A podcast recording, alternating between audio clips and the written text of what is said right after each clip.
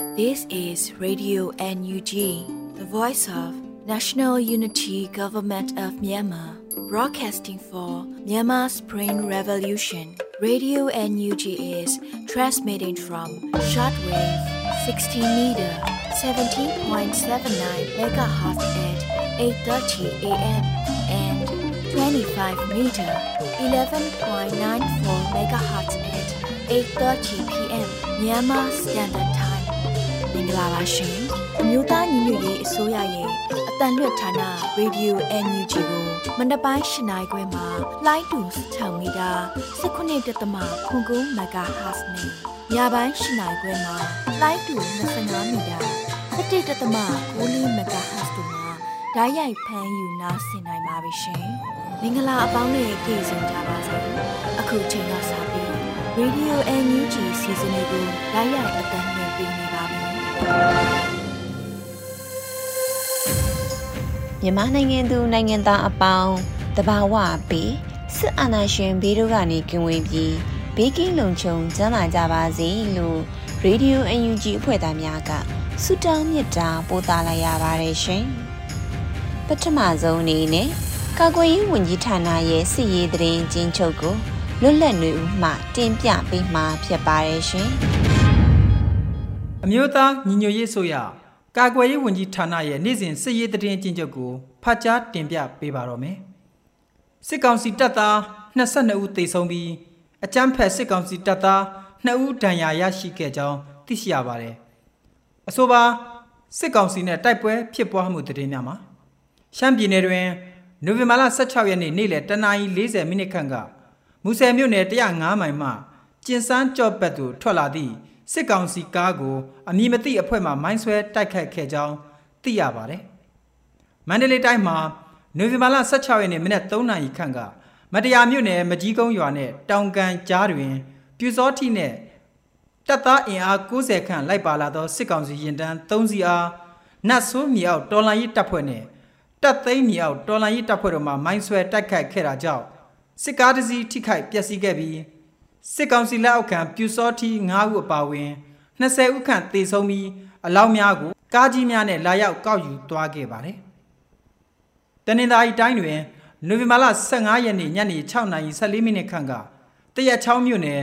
တရက်ချောင်းရဲစခန်းတွင်မိုင်းတစ်လုံးပောက်ကွဲခဲ့ပြီးရဲနှစ်ဦးနေရာတွင်သေဆုံး၍နောက်ထပ်ရဲနှစ်ဦးတွင်တဦးမှာဗိုက်နှင့်ရင်ပတ်၌ကြည်ထိထားပြီးကြံတဦးမှာလက်ပင်တစ်ချမ်းမရှိတော့ကြောင်းသိရပါတယ်။ ဆက်လက်ပြီးစစ်ကောင်စီကျူးလွန်ခဲ့သောရာဇဝမှုများကို တင်ပြပေးပါမယ်။ကချင်ပြည်နယ်တွင်နိုဝင်ဘာလ16ရက်နေ့မနက်9:30မိနစ်ခန့်က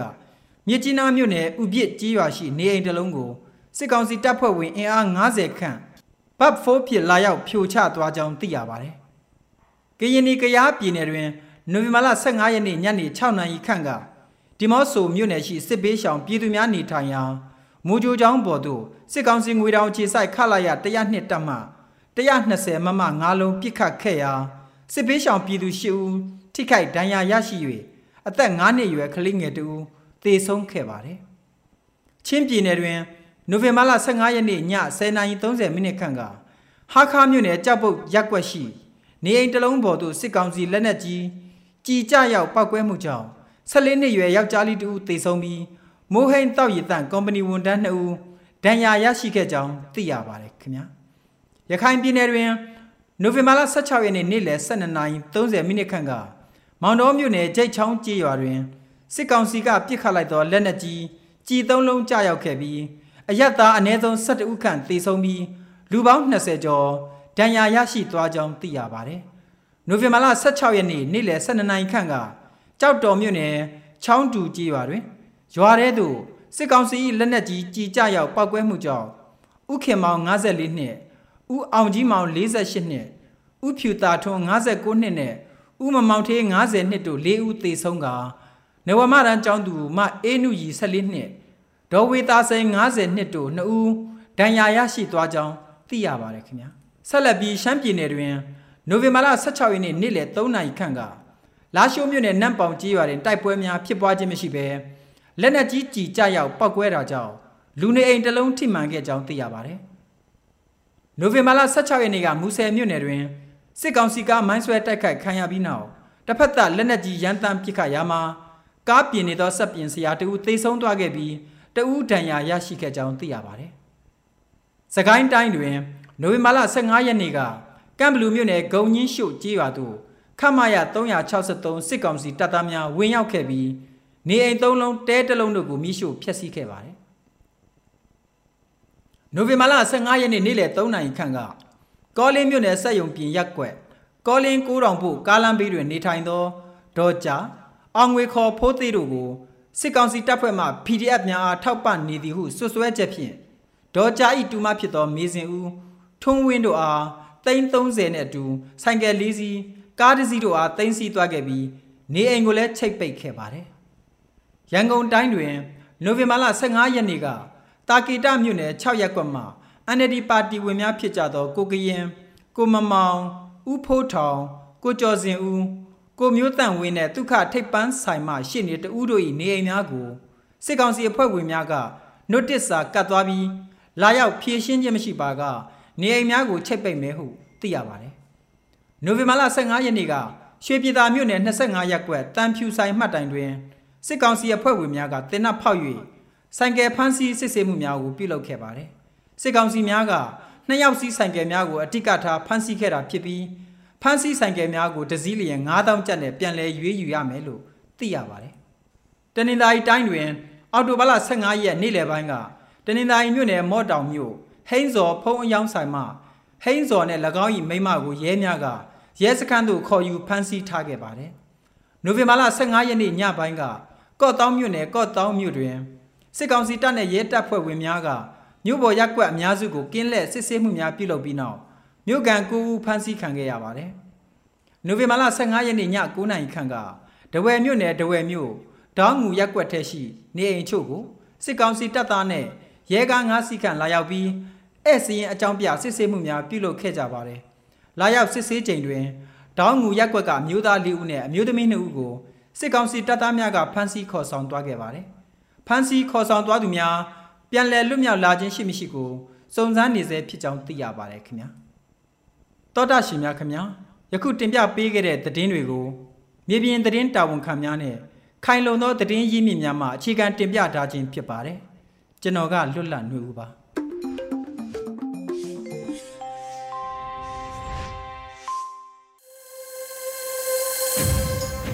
ဆက်လက်ပြီး Radio UNG ရဲ့နောက်ဆုံးရသတင်းများကိုຫນွေဦးမိုင်မှဖက်ကြားတင်ပြပေးပါမယ်ရှင်။မင်္ဂလာနေ့ခင်ပါရှင်အခုချိန်ကစပြီး Radio UNG ရဲ့နေ့ခင်းသတင်းများကိုတင်ပြပေးပါတော့မယ်။ကျွန်မຫນွေဦးမိုင်ပါတပြုတ်ချင်းရွာအနီးမိုင်းလုတ်ကွက်ကိုအကြမ်းဖက်စစ်တပ်ရဲ့လေကြောင်းတိုက်ခိုက်မှုဟာနိုင်ငံခြားသားများနဲ့၎င်းတို့၏ရင်းနှီးမြှုပ်နှံမှုများမလုံခြုံကြောင်းပြသတဲ့ ဥပမာတစ်ခုလို့နိုင်ငံခြားရေးဝန်ကြီးပြောကြားလိုက်တဲ့သတင်းကိုဦးစွာတင်ပြပေးပါမယ်။ကရင်ပြည်နယ်ဖျားသုံးစုံမြို့နယ်တပြုတ်ကျေးရွာအနီးရှိခဲတထုတူဖော်သည့်မိုင်းလုတ်ကွက်တစ်ခုကိုအကြမ်းဖက်စစ်တပ်ရဲ့လေကြောင်းတိုက်ခိုက်မှုဟာနိုင်ငံခြားသားများနဲ့၎င်းတို့ယင်းနှိမြုံနာမှုများမလုံခြုံကြောင်းပြသတဲ့ဥပမာတစ်ခုလို့နိုင်ငံခြားရေးဝန်ကြီးဒေါ်စင်မအောင်ကနိုဝင်ဘာ16ရက်နေ့က Twitter မှာရေးသားပြောဆိုခဲ့ပါတယ်။ UNG အစိုးရကဒီတိုက်ခိုက်မှုကြောင့်တေဆုံးသွားတဲ့မိသားစုတွေကို ဝန်내ကြောင်းဖော်ပြလိုက်ပါတယ်။စစ်ကောင်စီကပုံမပြင်းထန်သောတိုက်ခိုက်မှုများကိုဆက်လက်လှုပ်ဆောင်နေသည့်နိုင်ငံခြားသားများနဲ့၎င်းတို့ယင်းနှိမြုံနှံမှုများမလုံခြုံကြောင်းပြသသည့်နောက်ထပ်ဥပမာတစ်ခုဖြစ်ပါတယ်လို့ဆိုပါတယ်။နိုမာလာ16ရက်နနက်တနာရီ40မိနစ်အချိန်ကရင်ပြည်နယ်ဖျားသုံးစုမြို့နယ်တပြုတ်ကျေးရွာအနီးရှိခဲတထုတူဖော်သည့်မိုင်းလုကွက်တစ်ခုကိုစစ်ကောင်စီကတိုက်လေရင်နှစ်စီးဖြင့်ပစ်ခတ်တိုက်ခတ်ခဲ့ရာ၃ဦးသေဆုံး၈ဦးထိခိုက်ဒဏ်ရာရရှိပါတယ်ရှင်။ ဆက်လက်ပြီးပြည်ထရေးနဲ့လူမှုကြီးကြပ်ရေးဝန်ကြီးဌာနနဲ့စကိုင်းတိုင်းမကွေးတိုင်းရှိမြို့နယ်ပြည်သူ့အုပ်ချုပ်ရေးအဖွဲ့များတွိတ်ဆုံဆွေးနွေးတဲ့တရင်ကိုတင်ပြပေးပါမယ်။နိုဝင်ဘာ16ရက်နေ့ကအမျိုးသားညီညွတ်ရေးအစိုးရပြည်ထရေးနဲ့လူမှုကြီးကြပ်ဝန်ကြီးဌာနနဲ့စကိုင်းတိုင်းမကွေးတိုင်းရှိမြို့နယ်ပြည်သူ့အုပ်ချုပ်ရေးအဖွဲ့များတွိတ်ဆုံဆွေးနွေးမှုအစည်းအဝေးကိုမြင့်ဆောင်2022ကိုကျင်းပခဲ့ပါတယ်။အစည်းအဝေးမှာပြည်ထရေးနဲ့လူဝင်မှုကြီးကြပ်ဝန်ကြီးဌာန ပြည်သူ့အုပ်ချုပ်ရေးဦးစီးဌာနတာဝန်ရှိသူများမှဝင်ကြီးဌာနများ၏လုပ်ငန်းဆောင်ရွက်ချက်များနဲ့မူဝါဒပိုင်းဆိုင်ရာများကိုဆွေးနွေးပြောကြားခဲ့ပြီးနောက်တက်ရောက်လာသောမြို့နယ်ပါအဖအဖွဲ့ဝင်များကမြေပြင်အုပ်ချုပ်ရေးဆောင်ရွက်နေမှုများကြုံတွေ့နေရသည့်အခက်အခဲများနဲ့လိုအပ်ချက်များစသည်တို့ကိုရှင်းလင်းတင်ပြပြီးမူဝါဒပိုင်းဆိုင်ရာသိရှိလိုသည့်များအားမင်းများကြကဝင်ကြီးဌာနမှသက်ဆိုင်ရာတာဝန်ရှိသူများကပြန်လည်ဖြေကြားခဲ့ပါတယ်။အစည်းအဝေးသို့ ပြည်သူ့အုပ်ချုပ်ရေးဦးစီးဌာနညွှန်ကြားရေးမှူးချုပ်နဲ့တာဝန်ရှိသူများပြည်သူ့ရဲတပ်ဖွဲ့မိသက်ဦးစီးဌာနလူဝင်မှုကြီးကြပ်ရေးဦးစီးဌာနအထူးစုံစမ်းစစ်ဆေးရေးဦးစီးဌာနတို့မှတာဝန်ရှိသူများစကိုင်းတိုင်းမကွေးတိုင်းမှမြို့နယ်ပြည်သူ့ချုပ်ရေးဖွဲ့ဝင်များမှတက်ရောက်ခဲ့ကြတယ်လို့သိရရှိပါရရှင်။အကြမ်းဖက်စစ်တပ်ကိုအစားထိုးရန်အတွက်ဖက်ဒရယ်တပ်မတော်ကိုတီးဆောက်နေတယ်လို့ကာကွယ်ရေးဝန်ကြီးဌာနအသိပေးလိုက်တဲ့သတင်းကိုဆက်လက်တင်ပြပေးပါမယ်။ အနာဂတ်ဖက်ဒရယ်ဒီမိုကရက်တစ်ပြည်ထောင်စုတွင်အကြမ်းဖက်စစ်တပ်ကိုအစားထိုးရန်အတွက်ဖက်ဒရယ်တပ်မတော်ကိုတီးဆောက်နေတယ်လို့နိုမာလာအတွင်းမှာအမျိုးသားညီညွတ်ရေးအစိုးရကာကွယ်ရေးဝန်ကြီးဌာနက Twitter မှာအသိပေးဖော်ပြပါတယ်။ကာကွယ်ရေးဝန်ကြီးဌာနဟာအနာဂတ်ဖက်ဒရယ်ဒီမိုကရက်တစ်ပြည်ထောင်စုတွင်အကြမ်းဖက်စစ်တပ်ကိုအစားထိုးရန်အတွက်ဖက်ဒရယ်တပ်မတော်ကိုတီးဆောက်ရန်ရည်ရွယ်ပါတယ်။ကျင့်ဝတ်စစ်ရေးသိပ္ပံတပ်သားတင်များ၏စိတ်ပိုင်းဆိုင်ရာအကဲဖြတ်ချက်များသည် professional အယက်သားဥဆောင်သောအင်အားစုအတွက်အခြေခံအုံမြင့်ဖြစ်တယ်လို့ဖော်ပြထားပါတယ်။လက်ရှိမှာပြည်သူ့ကာကွယ်တပ်ရင်းတပ်ဖွဲ့ပေါင်း300နီးပါးနဲ့မြို့နယ်ပါကဖာဖွဲ့ပေါင်း250ကျော် LDF နဲ့လူငယ်မြို့ပြပျောက်ကြားပေါင်း400တပ်ဖွဲ့ရှိနေပြီဖြစ်တယ်လို့သိရပါတယ်ရှင်။ဆလပီတိုင်ကြားစာနဲ့တုံ့ပြန်ရေးဌာနကိုတရားရေးဝန်ကြီးဌာနကဖွဲ့စည်းထားတယ်လို့ပြည်သူလူထုကိုအသိပေးဆိုလိုက်တဲ့သတင်းကိုတင်ပြပေးပါမယ်။ အမျိုးသားညီညွတ်ရေးအစိုးရတရားရေးဝန်ကြီးဌာနကတိုင်ကြားစာနဲ့တုံ့ပြန်ရေးဌာနကိုဖွဲ့စည်းထားတယ်လို့နိုမ16ရက်မှာပြည်သူလူထုကိုအသိပေးဆိုပါတယ်။မြန်မာနိုင်ငံတဝမ်းတွင်ဖြစ်ပေါ်နေသောလူအခွင့်အရေးချိုးဖောက်မှုများကိုထိထိရောက်ရောက်ကင်တွယ်ဖြေရှင်းနိုင်စေရန်နဲ့အမျိုးသားညီညွတ်ရေးအစိုးရလက်ထက်တွင်တရားရေးဝန်ကြီးဌာနအားအကြံပြုချက်များနဲ့တိုင်ကြားရန်တိုင်ကြားစာနဲ့တုံ့ပြန်ရေးဌာနကိုတရားရေးဝန်ကြီးဌာနကဖွဲ့စည်းထားကြောင်း တရားရေးဝန်ကြီးဌာနမှပြည်သူများအားအသိပေးအပ်ပါတယ်လို့ဖော်ပြလိုက်ပါတယ်။ဆက်သွယ်ရန် email လိပ်စာမှာ pcd@moj.nugmyanmar.org ဖြစ်ပြီး Viber Telegram နဲ့ Signal ကတော့ +669465273223 တို့ဖြစ်ပါတယ်လို့သိရပါတယ်ရှင်။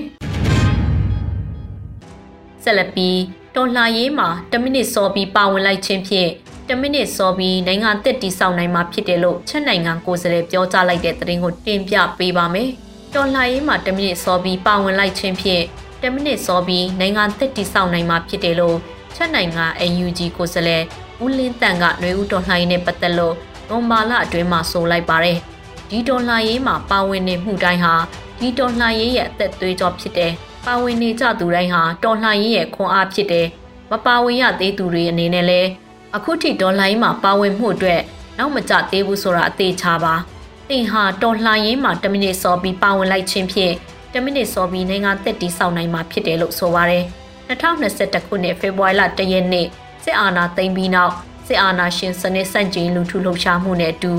ຫນွေဦးတော်လိုင်းဟာပေါ်ပေါက်ခဲ့ပါတယ်ရှင်။မုန်ကုတ်ဖက်ဒရယ်ကျောင်းမှစေတနာဝန်ထမ်းများခေါ်ယူနေတဲ့တရင်ကိုဆက်လက်တင်ပြပေးပါမယ်။ မုန်ကုတ်ဖက်ဒရယ်ကျောင်းရုံးအဖွဲ့မှတာဝန်ထမ်းဆောင်ရန်စေတနာဝန်ထမ်းများခေါ်ယူနေတယ်လို့နိုဝင်ဘာ16ရက်မှာမုန်ကုတ်မြို့နယ်ပညာရေးဘုတ်အဖွဲ့ကအသိပေးဆိုထားပါတယ်။မုန်ကုတ်ဖက်ဒရယ်ကျောင်းရုံးအဖွဲ့တွင်ဝန်ထမ်းလိုအပ်ချက်ရှိသဖြင့်ရုံးလုပ်ငန်းပိုင်းဆိုင်ရာအတွက်ဤပညာအတော်တင်တက်ကျွမ်းသူများအချိန်ပေးနိုင်သူများပါဝင်လျှောက်ထားနိုင်ပါတယ်။ပညာရေးတင်ကြားရေးကိုစိတ်ဝင်စားသူများအထူးလျှောက်တင်ပါတယ်။ဝိမြသေးသူများလည်းပါဝင်လျှောက်ထားနိုင်ပါတယ်လို့ဖော်ပြပါတယ်။ ရုံးဝင်ထအဖြစ်ပါဝင်ကူညီခြင်းအဖြစ်ကျောင်းလုပ်ငန်းအတွေ့အကြုံများတင်ကြားရေးအတွေ့အကြုံများရရှိနိုင်ပြီး UNG MOE ကစီစဉ်သည့်တင်နာများနဲ့ကျောင်းကအခါအားလျော်စွာစီစဉ်ပေးသည့်တင်နာများကိုလည်းတက်ရောက်ခွင့်ရရှိမှာဖြစ်တယ်လို့ဆိုပါတယ်။ဇာကာလပညာရေးတွင်ပါဝင်ကူညီသည့်အတွက်အတိအမှတ်ပြုဂုံပြုလက်မှတ်များပြန်လည်ချီးမြှင့်သွားမှာဖြစ်ပါတယ်ရှင်။ဆက်လက်ပြီး Health Kachin Patient for Hope Campaign စတင်တဲ့သတင်းကိုတင်ပြပေးပါမယ်။ ကချင်ပြည်နယ်အတွင်းကလိုအပ်နေတဲ့နေရာတွေကိုကူညီထောက်ပံ့ဖို့ Health Kachin Patient for Hope Campaign စတင်နေပြီလို့ပြည်ထောင်စုဝန်ကြီးဒေါက်တာဒူးခေါင်ကနိုဝင်ဘာ16ရက်နေ့မှာလူမှုကွန်ရက်ကတစင်ဖော်ပြတည်ပေးထားပါတယ်။မြန်မာပြည်မြောက်ဖျားကအပြစ်မဲ့ပြည်သူတွေသွေးမြေကြတဲ့သတင်းကြားရတော့နာကြီးခံပြင်းစိတ်နဲ့လက်သီးကိုချစ်ချစ်ဆုပ်လို့တောက်ခေါက်မိတယ်။စစ်မိတ်စာတွေကဘုံတွေကျဲချပေးမဲ့ပြည်သူတွေကမေတ္တာပန်းလေးတွေကျဲချခြင်းနဲ့ ပရိဒေဝအပူမီးနဲ့ငိုကြွေးနေတဲ့မျက်ရည်တွေကိုတုပ်ပေးခြင်းနဲ့ရှိတဲ့အထက်ကနည်းနည်းလေးပဲဖြစ်ဖြစ်ဝေငှလှူဒန်းခြင်းနဲ့ရည်ကြည်တပေါက်တိုက်ကြွေးခြင်းရင်ပူငီလို့ရအောင် Help Kachin Patient for Hope campaign လေးစတင်နေပါပြီလို့ဖော်ပြထားပါတယ်။တယံဇာရနဲ့တဘာဝပတ်ဝန်းကျင်ထိန်းသိမ်းဝင်ကြီးဒေါက်တာတူးခေါင်နဲ့ Moral တရုတ်ဆောင် Angel လမုံတို့ဦးဆောင်သော Patient for Hope နဲ့ Spring Myanmar Society SMS အဖွဲ့ပူးပေါင်းပြီး နိုင်ငံတကာ OFP အတိမတ်ပြုအလူခအဖွဲ့အစည်းတွေကနေအလှူငွေများကိုလက်ခံသွားမှာဖြစ်ပါတယ်။ပါဝင်လှူဒါန်းတဲ့ပြည်သူလူထုများကို Patient for Hope အဖွဲ့ကနေတရုံဝင်အတိမတ်ပြုကျေးဇူးတင်လွှာ certificate ထုတ်ပေးသွားမှာဖြစ်ပြီး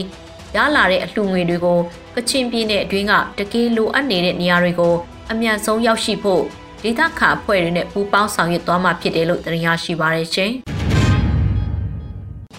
ဆက်လက်ပြီး PDF ကလေးတက်ရင်စနစ်မှစေတသား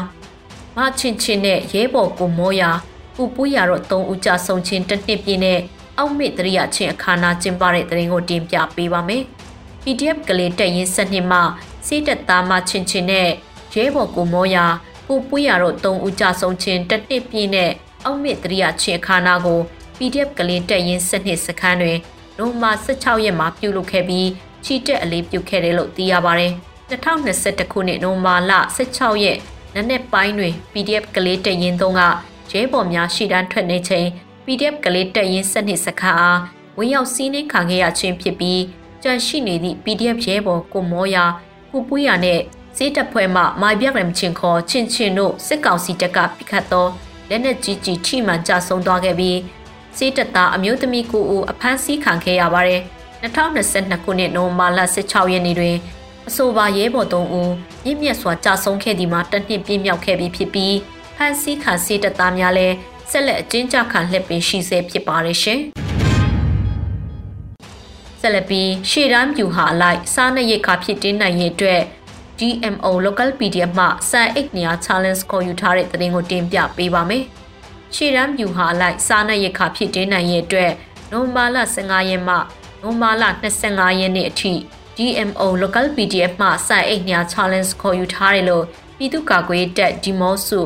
DMO Local PDF ကနိုဝင်ဘာ16ရက်နေ့မှာအသိပေးဆိုပါရယ်ပြည်သူ့ကာကွယ်တပ်ဒီမော့စု DMO Local PDF ရှိရှေ့တန်း view ဟာအလိုက်စားနပ်ရိက္ခာဖြစ်တင်းနိုင်ရဲ့အတွက်နိုမာလ15ရက်မှနိုမာလ25ရက်နေ့အထိစေရတိတိစံအိတ်200 challenge ခေါ်ယူထားရာ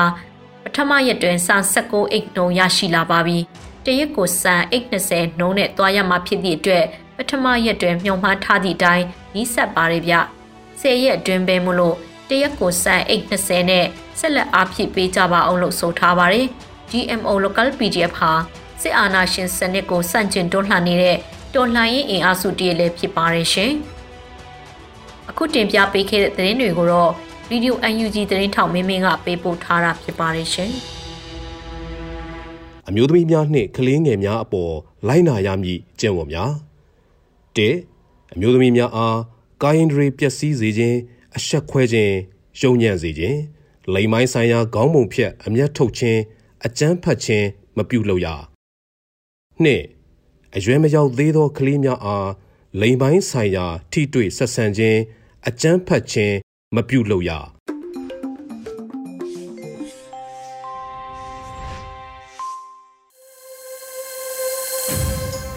ဆက်လက်ပြီးတော်လှန်ရေးတိခိတာအစီအစဉ်အနေနဲ့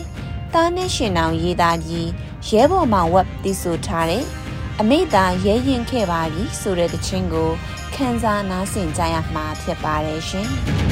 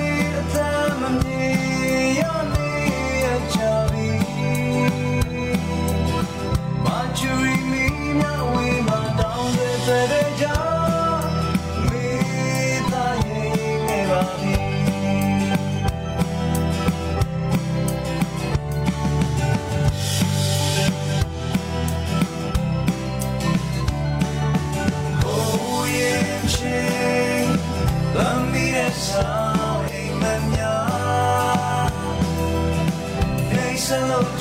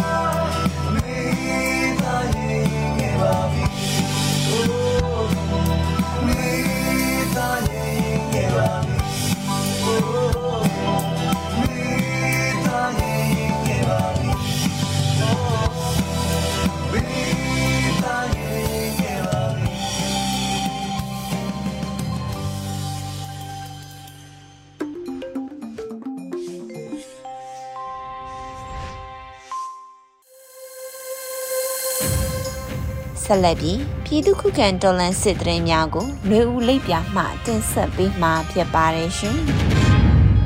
ပထမဦးစွာမြောင်နဂါပေါက်ရွာကိုညအချိန်မီတင်ရှုပ်သည့်စစ်တပ်စစ်ကြောင်းတိုက်ခိုက်ခံရတဲ့တရင်တင်ဆက်မှာပါစကိုင်းတိုင်းမြောင်မြို့နယ်နဂါပေါက်ရွာကိုညအချိန်မီတင်ရှုပ်နေသည့်စစ်တပ်စစ်ကြောင်းကိုမဟာမိတ် PDF တပ်ဖွဲ့များကဝင်ရောက်တိုက်ခိုက်ခဲ့ပြီးစစ်သား6ဦးသေဆုံးခဲ့ကြောင်းမြောင်မြို့နယ် CDSOM အဖွဲ့ကဆိုပါတယ် ထို့သောတိုက်ခိုက်ခံရပြီးနောက်အကြမ်းဖက်စစ်တပ်စစ်ကြောင်းသည်ကျေးရွာအတွင်းမှတပ်ပြက်ခါဆက်လီများပေါ်သို့တပ်ပြေးစဉ်မဟာမိတ် PDF တပ်ပေါင်းစုများကလိုက်လံတိုက်ခိုက်ခဲ့ပြီးစစ်သား6ဦးထပ်မံတေဆုံးခဲ့တယ်လို့ဒေတာခန်တွေမှသိရှိရပါတယ်ရှင်။တမူတွင် PDF မဟာမိတ်တပ်စခန်း6ခုစီးနင်းခံရပြီးတိုက်ပွဲဖြစ်ပွားတဲ့တဲ့တင်ဆက်မှာပါ။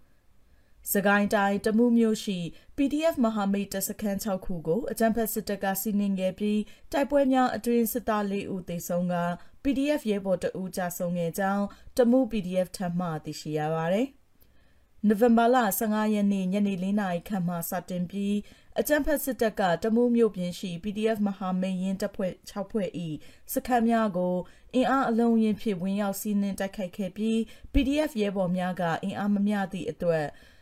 စခန်းများကိုအားလုံးဆုံးခွာခဲ့ရတာပါ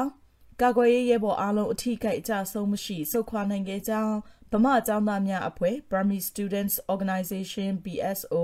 ကျောင်းသားတရင်ဤအဖွဲ့ကောင်းဆောင်ကိုအောင်ဖြိုးကျွဲမှထုတ်ပြန်ထားပါတယ်။ဒီဗင်ဘာလ14ရက်နေ့ကလည်းအကြမ်းဖက်စစ်တပ်နှင့်ဒေသခံကာကွယ်ရေးတပ်ဖွဲ့များအကြားတိုက်ပွဲအပြင်းထန်ခဲ့ပြီးအကြမ်းဖက်စစ်တပ်ဘက်မှ၄ဦးသေဆုံးက PDF ရဲဘော်တအူလက်နက်ကြီး GT မှန်ကြဆုံးခဲ့ကြောင်းသိရှိရပါတယ်။ဆက်လက်ပြီးမုတ်ပလင်လန်းဆောင်ဂိတ်40မမဖြစ်ပြစ်ခတ်ခံရတဲ့သတင်းတင်ဆက်မှာပါ။မွန်ပြည်နယ်ကြိုက်ထုံမြို့နယ်မုတ်ပလင်လန်းဆောင်ဂိတ်တွင်စောင့်ကြနေသောစစ်ကောင်စီတပ်မှစစ်သားများကိုပြည်သူ့ကာကွယ်ရေးအဖွဲ့များက40မမဖြစ်ယနေ့နနက်7:45မိနစ်တွင်တွားရောက်ပစ်ခတ်ခဲ့ပြီးစစ်သားထိခိုက်မှုရှိနိုင်ကြောင်းမဟာမိတ်အဖွဲ့တွေကဆိုပါတယ်။ လက်ရှိအချိန်မုတ်ပလင်ဂိတ်တဝိုက်မှာကင်းမုတ်နေချထားတယ်လို့သိရပြီးဂိတ်အဝင်မှာလည်းအစစ်အဆေးကြမ်းတမ်းနေပါတယ်။နောက်ဆုံးအနေနဲ့မတရားရင်းစစ်ကားသုံးစီမိုင်းဆွဲခံရတဲ့တဲ့တင်ဆက်မှာပါ။မန္တလေးမတရားမြို့နယ်တွင်စစ်ကားသုံးစီမိုင်းဆွဲခံရပြီးစစ်ကောင်စီတပ်သားအမြောက်အပြားထိကြိုက်တယ်လို့ဒေသခံအဖွဲ့တွေကဆိုပါတယ်ဒီဇင်ဘာလ16ရက်နနက်3:15မိနစ်တွင် မတရားမြို့နယ်မကြီးကုန်းရွာနှင့်တောင်ကန်ရွာအကြားတွင်ပြူစောတိနှင့်စစ်သားများအင်အား90ခန့်လိုက်ပါလာသောစစ်ကား3စီးကိုဒေသခံကာကွယ်ရေးတပ်ဖွဲ့များကမိုင်းဆွဲတိုက်ခိုက်ခဲ့တာပါ။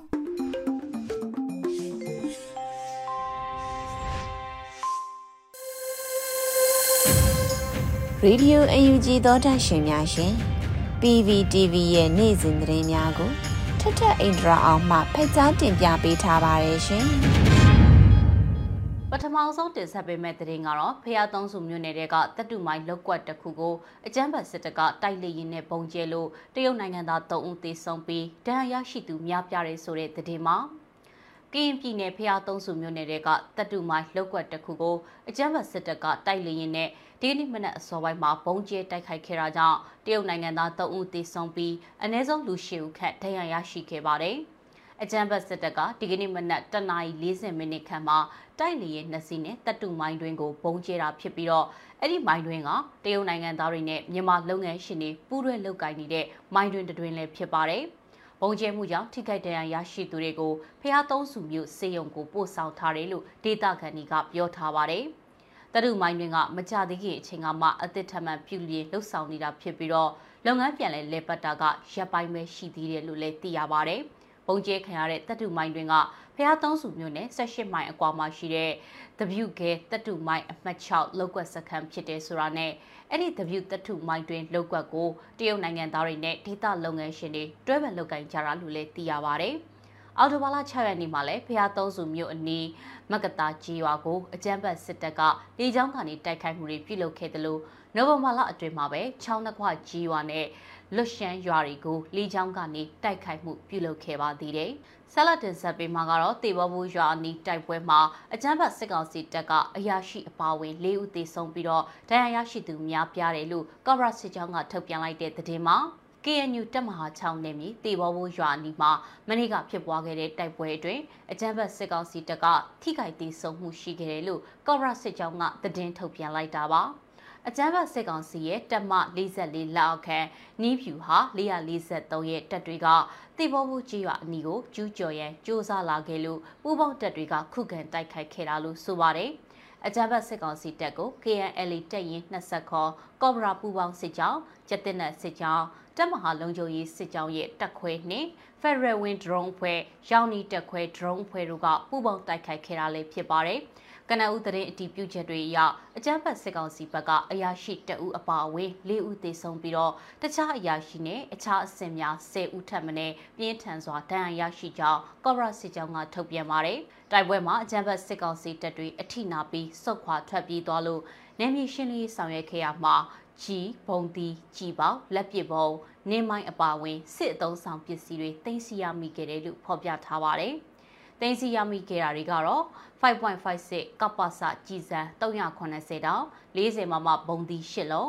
RPG ဘုံဒီ3တောင်ပို့ရန်တောင်3တောင်5.56ကြည်ပေါက်8ခု MA2 ကြည်ပေါက်1ခုလက်ပစ်ပုံ1လုံးနေမိုင်း2လုံးစစ်သုံးမြေပုံ1ချက်ကြီးကအုတ်ထုပ်1လုံးစစ်သုံးလွယ်အိတ်1လုံးစာရွက်စာတမ်းများပကတ်1လုံးပေါတူ1လက် ဆက်အားသွင်းခုံ1ခုရေဘူး1လုံးကိုရီးကိုတာဓာတ်ပုံ2ပုံတို့ဖြစ်တယ်လို့ထုတ်ပြန်ထားပါတယ်။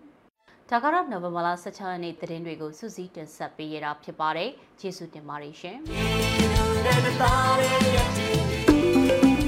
ဒီကနေ့ကတော့ဒီညနေပဲ Radio NUG ရဲ့အစီအစဉ်လေးကိုခေတ္တရ延လိုက်ပါမယ်ရှင်မြန်မာစံတော်ချိန်မနေ့၈နိုင်ခွဲနဲ့ည၈နိုင်ခွဲအချိန်တွေမှာပြောင်းလဲဆိုပြကြပါလို့ရှင် Radio NUG ကိုမနက်ပိုင်း၈နိုင်ခွဲမှာလိုင်းတူ16မီတာ19.7 MHz နဲ့ညပိုင်း၈နိုင်ခွဲမှာလိုင်းတူ25မီတာ17.6 MHz တို့မှာဓာတ်ရိုက်ဖမ်းယူနားဆင်နိုင်ပါပြီရှင်။မြန်မာနိုင်ငံသူနိုင်ငံသားများကိုစိတ်နှပြချမ်းမာချမ်းသာလို့ဘေးကင်းလုံခြုံကြပါစေလို့ Radio NUG ရဲ့ဖွဲ့သူဖွဲ့သားများက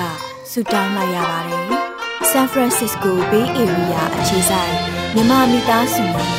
နိုင်ငံတကာကစေတနာရှင်များလို့အားပေးကြတဲ့ Radio NUG ဖြစ်ပါတယ်ရှင်။အရေးတော်ပုံအောင်ရမည်။